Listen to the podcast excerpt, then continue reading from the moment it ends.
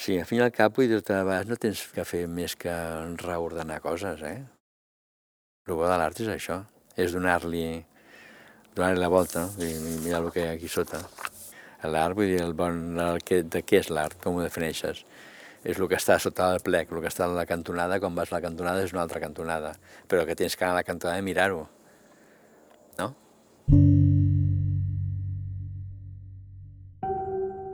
Fons. Obres de la col·lecció MACBA explicades pels artistes. Sergi Aguilar. Començo a l'orfebreria a treballar en un taller per qüestions familiars i de més, i és una època, 65, més o menys 66, on a l'escola Massana complia la funció d'acabar la formació dels artesans. En aquell moment doncs, el senyor Massana era un mecenes on tenia molt en compte tot el, el que eren les oficis artesans de, de Catalunya, de Barcelona. Aleshores jo treballava en un taller i llavors ja a la tarda anava a l'escola, perquè a més a més, curiosament, l'escola Massana era escola nocturna, perquè estava pensada per la gent que treballava. I el que sí que vaig fer, eh, la idea era doncs, fer més extensa el coneixement, però el que tenia clar és que no eh, treballava amb l'orfebreria perquè tot així doncs, ja estava en un taller, sinó doncs, vaig triar altres. Vaig fer escultura, fer repujat, fer altres tipus, modelat, fer altre, un tipus d'assignatures, a part de les històries d'art i teòriques que hi havia aquell moment, de dibuix natural, i que s'anaven complementant. No? La veritat és que a l'inici també no hi havia una tradició familiar, diguéssim, artística, era molt, molt manual. El meu pare tenia una fàbrica de fusteria, que feien ebenisteria, no tant fusteria, sinó més aviat mobles, doncs, d'una certa qualitat.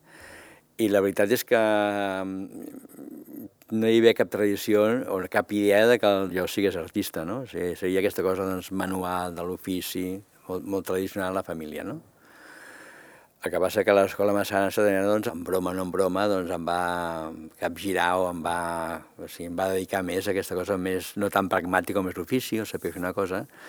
Les classes teòriques em van aportant doncs, a visitar exposicions i doncs vaig descobrir l'art, vull dir, vaig a l'art, doncs, com la creació, quan la veus i t'enganxa, doncs és com...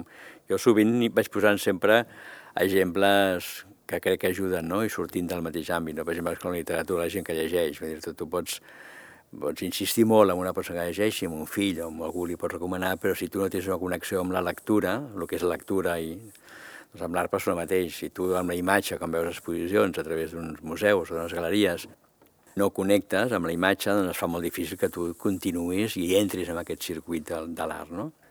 Aleshores, jo que vaig començar a anar a veure exposicions a Barcelona, que en aquell moment tampoc hi havia tantes, vull dir, cal també veure aquesta cosa històrica, no? la dificultat que era trobar una exposició, uns museus bons. Llavors també agafa un moment que jo tinc 18-20 anys i faig algun viatge a França, que era mica aquell moment doncs, la, la fita o la línia més directa. Un, hi havia un grup molt barceloní, que eren molt francesos, i un que també era més barceloní, però una mica més anglosaxó, que anàvem a Anglaterra, anaven a Anglaterra, no? Aleshores, clar, quan tu descobreixes aquell moment que tot i que no era el d'ara, el món de la cultura, doncs els museus i galeries doncs, fora del país, doncs em va connectar l'art, no? I llavors automàticament vaig anar a fer un tipus de joies que podia ser per guanyar la vida i més o menys de manera habilitat manual doncs, a incorporar aquest concepte de la joia, doncs, de la joia moderna. Vaig conèixer una mica alemany, el Gunther em va invitar a Alemanya, a Alemanya hi havia molta tradició de fer aquest tipus de joieria més vanguardista, doncs treballàvem amb el material més preciós a plata, però no tant com a preciós, sinó com a material doncs, molt dúctil de treballar, però hi havia altres materials no preciosos, no? llautors, coures, pedres, fustes i de més. No? A Alemanya el que vaig fer funcionar molt bé i llavors cada vegada aquestes, aquestes peces eren menys portables i eren més, eh, més creatives, no? eren menys joia i més creatives. Això va lligar a un moment doncs, que a mi m'agradava molt i vam dir prou, doncs faig escultura. Quan jo dic que passo la joieria a l'art, tampoc és molt clar. Jo em trobava bé fent uns objectes que no tenen cap dependència. Jo estava realment el que sí que sentia, i afortunadament encara ho sento, totalment obsessionat i subjugat per, per l'atracció de l'art, la creació, no? Per, i aquest món doncs, que t'imagines i que el fas i que el connectes i el desconnectes, no? I sobretot la cosa manual, vull dir, per això suposo que fes escultura, no? Perquè m'agrada sempre treballar els materials. Bé, estem parlant del 80, eh, apareix una curator americana, Margaret Rowell, que era la curator del Guggenheim, que era la, la que venia aquí en primer viatge de prospecció per fer una possible exposició d'art nou al Guggenheim. Aquesta noia va vindre a Barcelona, bueno, a Espanya, venia a, Barcelona a fer una, una suposada nova generació, la, la generació que se suposa que anava després d'aquest boom espanyol que podia ser doncs, l'informalisme, Urba al Paso, no? a Madrid, doncs, Millares, Saura, a Xillida també, a Barcelona, doncs, el, el, tot el, el que era el post 10 al 7 i el que significava ja el Tàpies amb tota la seva potència. O sigui, tot això marcava molt. Llavors, en un moment de suposada ja obertura política, hi havia una certa expectativa per ensenyar el que podia ser el postinformalisme o el postmodernisme espanyol. I llavors aquesta persona, Margaret, va començar a visitar Espanya i va fer una selecció i ja vaig tindre la sort doncs, de ser seleccionat. Després de New Image from Spain érem 7 o 8. La Margaret, el que va fer la Margaret Regola va intentar fer, eh? que va ser una aposta complicada, no, però el que hi havia. Així com, per exemple, la generació anterior, aquesta que parlem, els grups que hi havia, Passo, Informalisme, sí que tothom, amb poques variants, era una forma que s'anava com estirant cap aquí, cap allà, no? La mateixa xirida tot era com molt complicat, doncs no deixa de ser doncs, un, uns, uns gestos amb el ferro, no?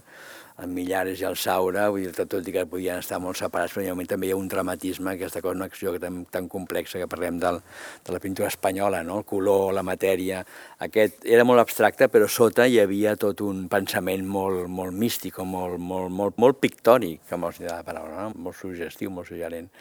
Després això no va passar, i el gran exercici que feia, o la dificultat d'exercici la marca, en lloc d'agafar, intentar agafar que Moguillera, que, que jo penso que la tria va ser bona, doncs clar, va agafar l'Antoni Muntades, el Jordi Teixidor, hi havia el Miguelito Navarro, Miguel de València, que fa unes construccions que en aquell moment eren molt interessants, ara podríem discutir-les més o no. Llavors, clar, va fer un grup molt eclèctic, no? Al públic en general li costa molt l'eclecticisme, eh? O sigui, la gent som bastant de paquete compacto, d'equipo, no? I una expressió que penso que va costar molt entendre perquè era molt eclèctica.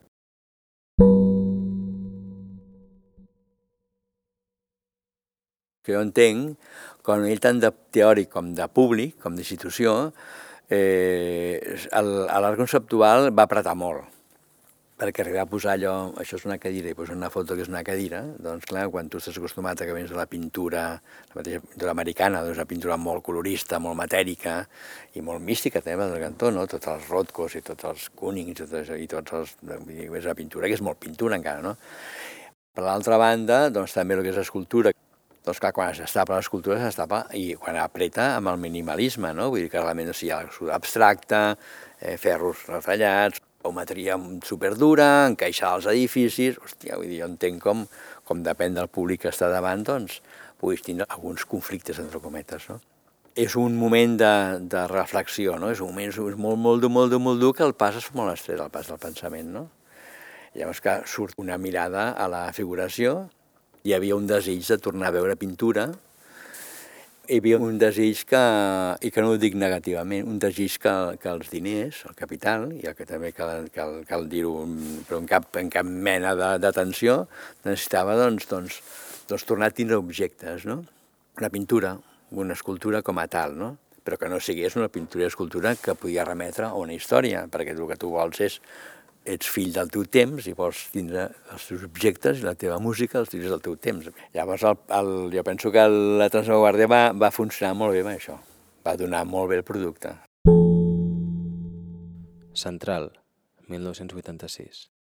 Aquesta peça es diu Central, és de Ser i és de l'any 86. A l'any 86 jo ja porto com uns 4 anys fent, fent escultures amb ferro, amb acer, doncs aquesta peça, suposant que està al mig del període dels ferros, que després arranca el 82 i ja arriba al 90-91, 8-10 anys, es situa al mig. És una peça que és un moment on m'interessa molt el que en dic les cantonades, o sigui, hi ha un moment que treballo molt amb, amb els fets horitzontals, i és un, tot un tema que a mi m'ha donat molt bon rotllo, però també penso que ha portat problemes, diguéssim, d'ubicacions i d'enteniment, perquè és una mica, doncs, l'escultura entesa com horitzontal, horitzontal sempre és com més complexa, no? perquè l'escultura sempre és vertical, sempre diu que veure amb l'estàtua, tot el tema aquest, que amb això, per altra banda, ha sigut molt divertida, el tema, o interessant el tema de l'evolució de l'escultura, no?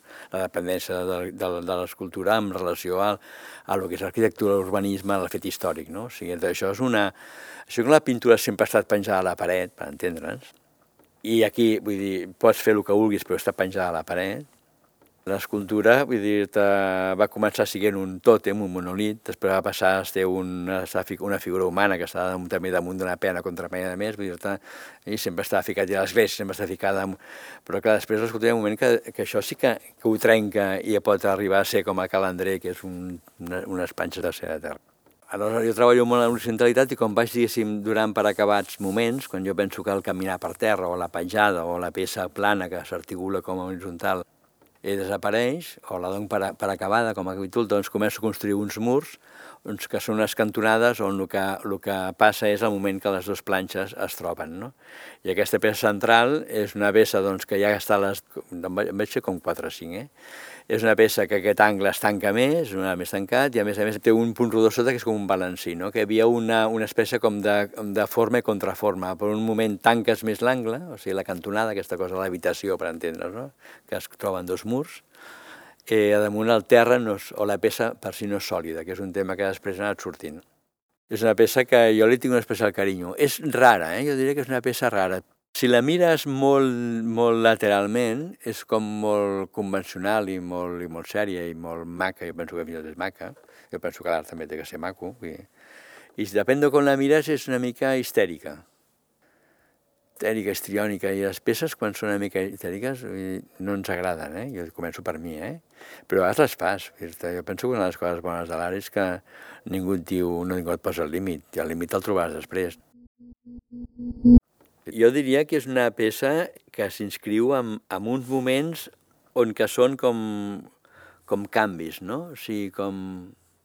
O sigui, tu treballes amb una idea, la vas desenvolupant i al moment que això et porta a un cert col·lapse, a un tal, i vas canviant, no? I amb aquesta de les, aquest de les cantonades, que per mi m'entenc dir les cantonades, els angles, o sigui, és l'última de les cantonades, que les primeres són com molt, com molt sèries o com molt ben posades. Hi ha una que és la primera, que es diu mirada, que és un angle molt més vertical, aquest està inclinat perquè ja el forma balancí, com dos parets, però que tenen molt poca caiguda, no són exactament verticals, i la té el Reina Sofia. I és una peça, a més a més, per dir-te més, com autocrítica o crítica o tal, és una peça que és molt, molt oteiciana. I quan la vaig fer, tampoc pensava en l'oteiza, que a mi és una cosa que, que a mi m'agrada dir-la perquè, curiosament, a Mart ens costa molt anomenar els nostres pares o els nostres aires d'influència. La gent sempre em preguntava molt com estaven fetes les peces. Jo sempre he explicat com les faig i perquè per mi el, la màgia, l'atracció d'una peça no està amb la seva habilitat en fer-la o amb la seva amb el, amb el tapar la seva tècnica. És com dir, aquest pintor és molt bo, vull dir o aquest senyor escriu molt bé. Vull dir, no, primer no una cosa amb l'altra. Tu pots escriure molt bé, i explicar res. És una part tècnica, vull dir que no se li té cap, cap, cap, donar cap més importància. O sigui, el bo de l'escultura, també de la pintura de tot, eh? això també passa molt ara amb la, tota l'època digital. O sigui, l'eina, les eines jo penso que tenen que ser un, un instrument perquè tenen que portar al tot terreny, o sigui, perquè de vegades pot ser un molt bon tècnic i, i la peça queda morta, i té, té que ser al revés. Júlia, Homenatge als immigrants, 1986.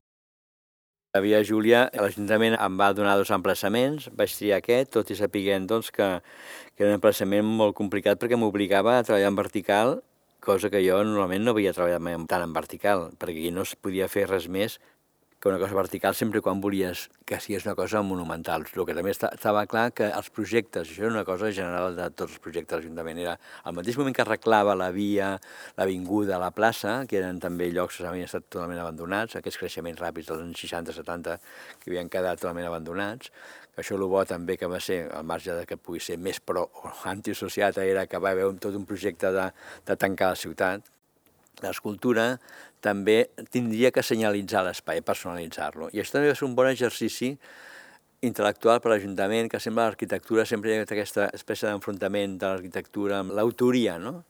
Bé, en qualsevol cas tenia que ser una peça que la peça estés al 50% de lo que era tot l'entorn. Eh? Això vol dir que aquí, si jo vaig dir que que aquí, no podia fer una mini peça, que l'hagués pogut fer, sinó que venia implicat que també hi havia l'efecte de monumentalitzar aquestes àrees diferents.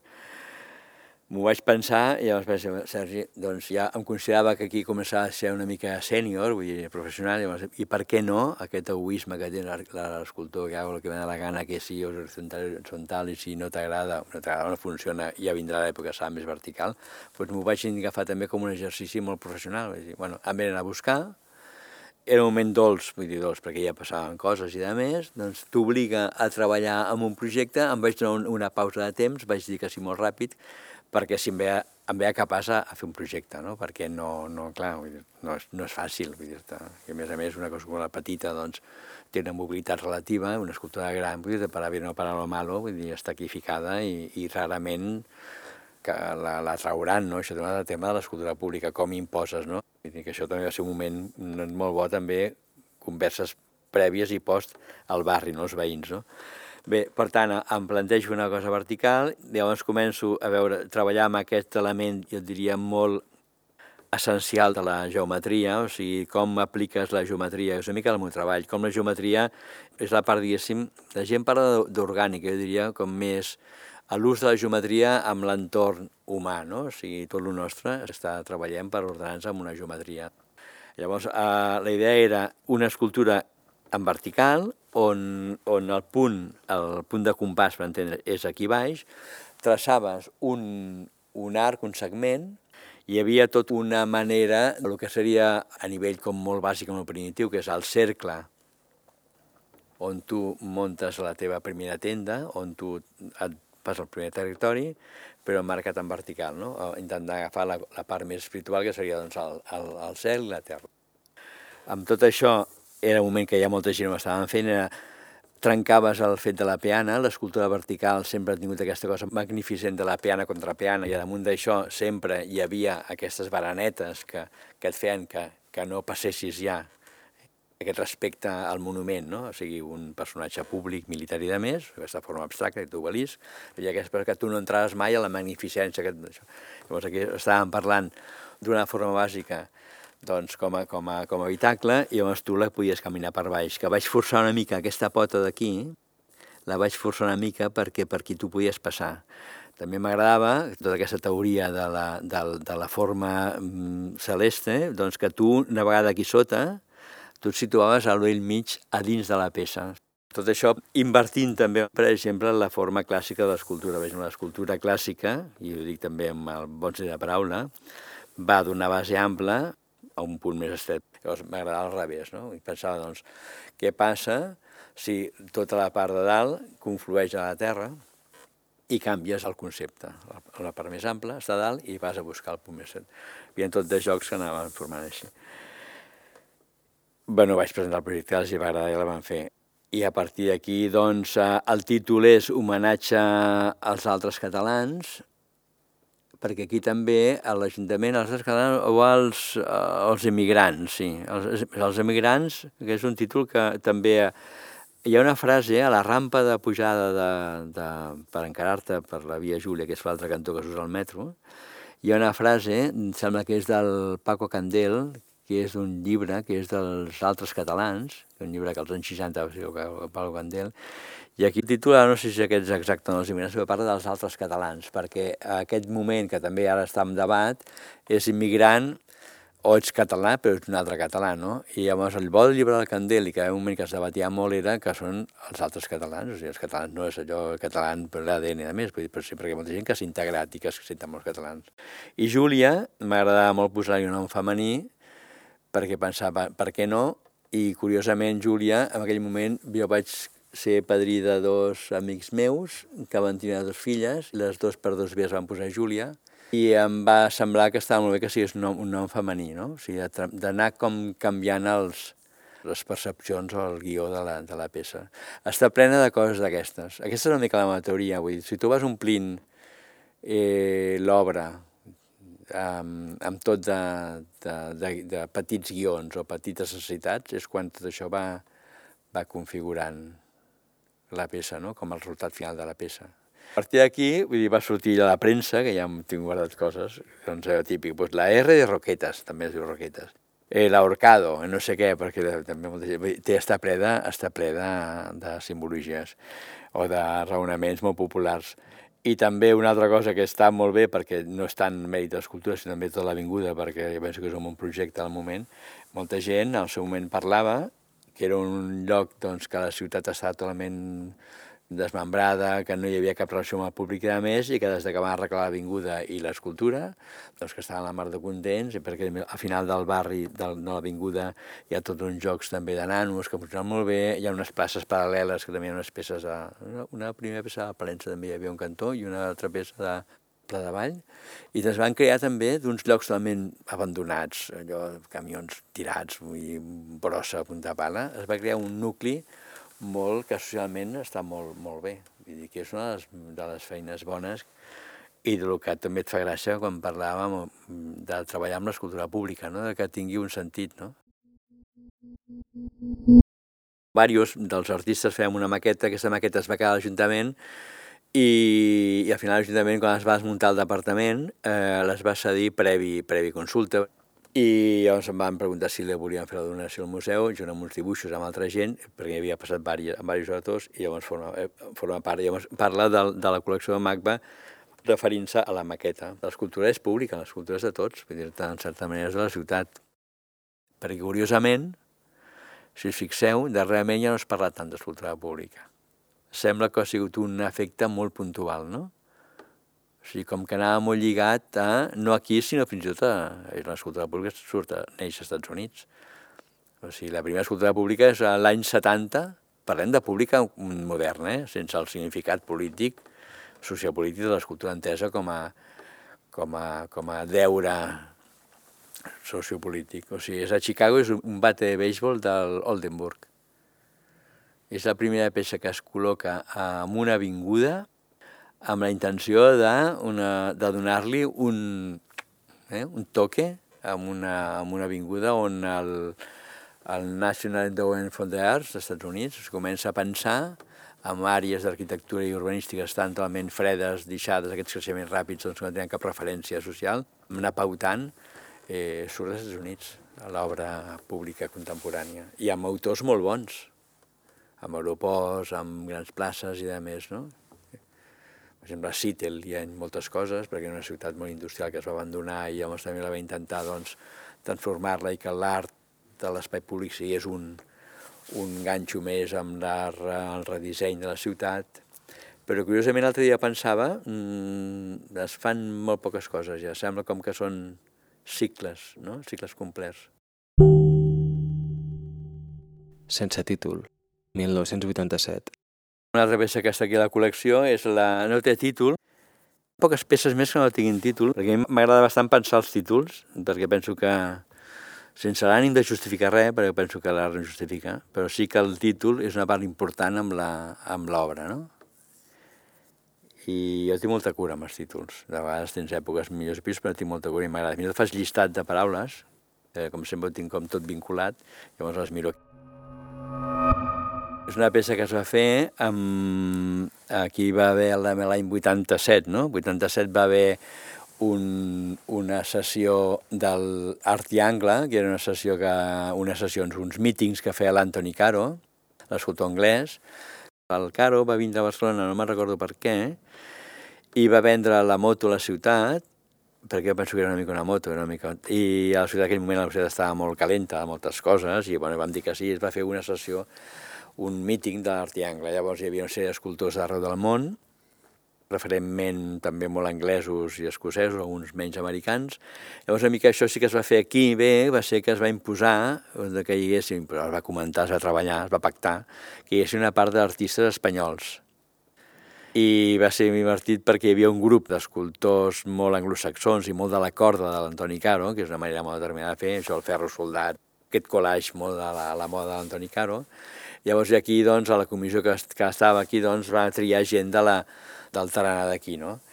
i me recordo que hi havia, per exemple, la premsa, que es parlava de la premsa, eh? llavors aquell, aquell moment la premsa era, era, era forjava, i llavors va, va demanar una forja, i estava al mig del pati, que és aquí el pati de les, de, de les dones, feia aquí darrere, que em moltíssim, i tots estaven allí com tallant, soldant una mica molt així, molt a l'anglesa, i la premsa allà amb un enfraguant ferro i, i forjant, i cada vegada que passava l'Antoni Cas fotia malalt, no? I es fotia... Era molt divertit. Tothom va fer entre dos, tres, quatre peces durant el que va durar. Tenies molts mitjans, que això estava molt bé, i llavors va acordar doncs, que una peça de les fetes doncs, es cedia a l'Ajuntament. Per aquest fons, en aquest moment, doncs, aquest, aquest fons que, que l'Ajuntament estava ja fent. És una peça que també s'inscriu molt amb aquestes circularitats que parlàvem. No? És una barra cilíndrica, que és com un radi, on a l'extrem hi ha un disc on eh, podria ser com un compàs, no? O sigui, si poséssim a la punta que reposa a terra eh, la, la fixéssim i arrastréssim a la part de la punta, o sigui, aniríem marcant un cercle, no?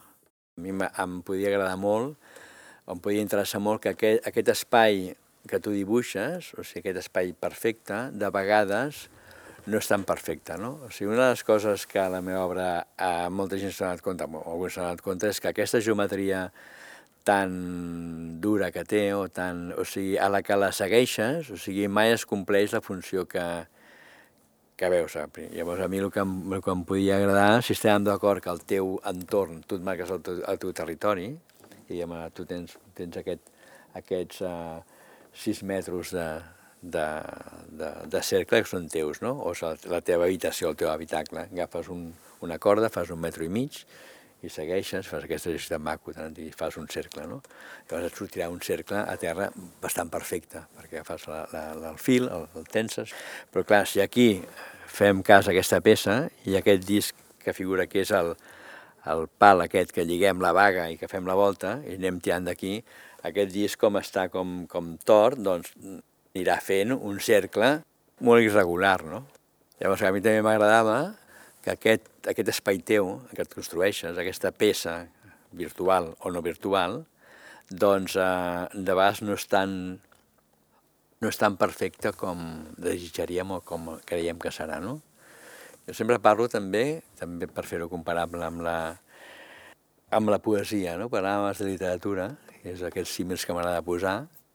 Per exemple, si tu vols descobrir una explicació, o vols seguir, o, o fa una explicació, faràs, és una novel·la on t'explicaran un conte, i aquest conte doncs, té, un, té una, més o menys ficcionat, a vegades parla molt de la ficció la realitat, si ficció i realitat sí que té un començament, un, desenvol un desenvolupament i un final, no?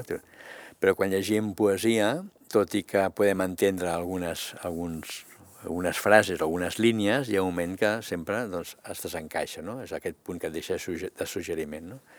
Jo per explicar algunes obres d'art, no les meves, però també les meves preferentment, sempre parlo de pensar en termes de, en termes de poesia. Si tu ets un... que una cosa no treu l'altra, eh? Si tu ets un bon seguidor o t'agrada la poesia, doncs igualment tindràs un accés més, no et diré més fàcil, no, no, no pots entendre més quan explico, parlo d'aquestes coses. Si ets un bon seguidor o et costa més, et costa més la poesia i t'agrada més un, una, una narrativa més seguida, doncs, curiosament, quan vas parlo amb algú, i parlem de noms de poetes, doncs llavors, ah, és que tu el Celant t'agrada o t'interessa, dic sí, dic, hòstia, ara entenc, ara entenc molt la teva obra, no entenc més, no?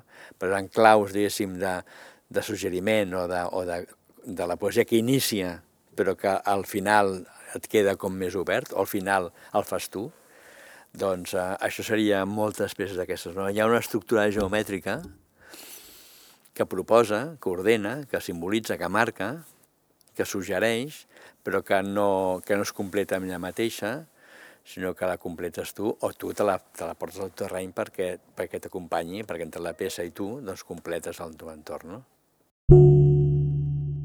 Daturat número 1, 1980. Aquesta peça és la, es diu Daturat número 1, és de la 80, i és la peça que comentava abans que estava portada pel Fons de la Generalitat. És una peça que és mm, relativament petita, el que és divertit perquè també parlant de compassos, que aquí, curiosament, tot aquest cicle, o sigui, marca un, tot aquest moment on, on el tema de la circularitat és molt present. Abans les peces eren molt més sòlides, molt més geomètriques en blocs, i hi ha un moment que, que tota la idea de, de, de circularitat queda molt present. Cosa que ara, darrerament, doncs, més que circularitat, tot això ha, derivat amb uns trajectes que són uns viatges, no? amb, amb anar cap a llocs, no? que hi ha més físics, més reals. Per altra banda, aquesta és una peça petita, i llavors què em passa? Em passava aquí, per raons lògiques, vull dir, és normal perquè un museu, com, doncs, o com un, un store, doncs tens unes passatgeries i guardes les peces d'una dimensió determinada. A mi el que em passa sempre és que he tingut una tendència a fer peces molt petites. Per què? Perquè, eh, a veure, jo crec que, que si parlem de, de tenir un objecte al teu voltant, eh, és una cosa que em ve del començament, eh? per què l'art o l'objecte aquest que és necessari té que estar sempre distant d'on estàs tu, que seria doncs, una sala gran, suposant que tinguis a teva doncs, una, una, una, a terra un, una peana, i per, i per què no tu pots tindre... Tot això va lligat a un moment on, que, on que encara a mi em passa, doncs al nostre voltant sempre tenim una sèrie d'objectes que van des d'una postal, una pila de llibres, la pulsera que portes o el rellotge que li tens un carinyo o qualsevol altre objecte, al teu entorn més íntim sempre tens un, un, un espai que li dediques a uns objectes. Aleshores, la meva, la meva idea era... A mi em anaven sortint peces petits. Per què? Perquè hi havia una cosa de, de, de dimensió manual, no? O sigui, hi ha una cosa, poder perquè, no sé, sense voler lligar-ho tant, doncs les primeres peces són, són uns troncs que recullo l'illa de Menorca i d'això em faig unes eines que té a veure amb, uns, amb unes eines doncs, que és aquesta cosa d'utillatge popular, no? d'un tronc que és el mànec i no sé què. O sigui, sempre m'agrada molt la, la, aquesta cosa pròxima. Llavors, això m'ha portat a fer peces petites d'una manera continuada. Llavors, què passa? Doncs passa que, que les fas i com no les fas ni per vendre o no vendre, les fas perquè les pots fer, llavors se t'acumulen. Hi ha un moment que les tens que ensenyar. Llavors, una de dos, o no les ensenyes, o les ensenyes agrupades. En el cas de les eines, que és una peça que, doncs, que són uns troncs de que van amb unes vitrines, que jo, ja és una cosa com molt de museu, com de museu de ciències, que això va molt bé. Llavors, hi ha un moment que se m'ocorreix doncs, tractar-ho de la mateixa manera que ho tracto quan ho faig. Jo faig una peça i la vaig, i la vaig bam, bam, Llavors hi ha un moment que aquestes peces les agrupo i les poso en una prestatgeria. Per què? Pues perquè guanyo espai, perquè m'agrada veure que si són de la mateixa família o si no, si canvio o tal i qual, i se'n van acumulant. I aquí el que fa gràcia, bueno, l'anècdota està que el, que el que jo he fet és que en aquest cas és que em, re, em reenvio, em remeteixo a una lògica que és la, la, la lògica d'emmagatzemar o de guardar unes peces.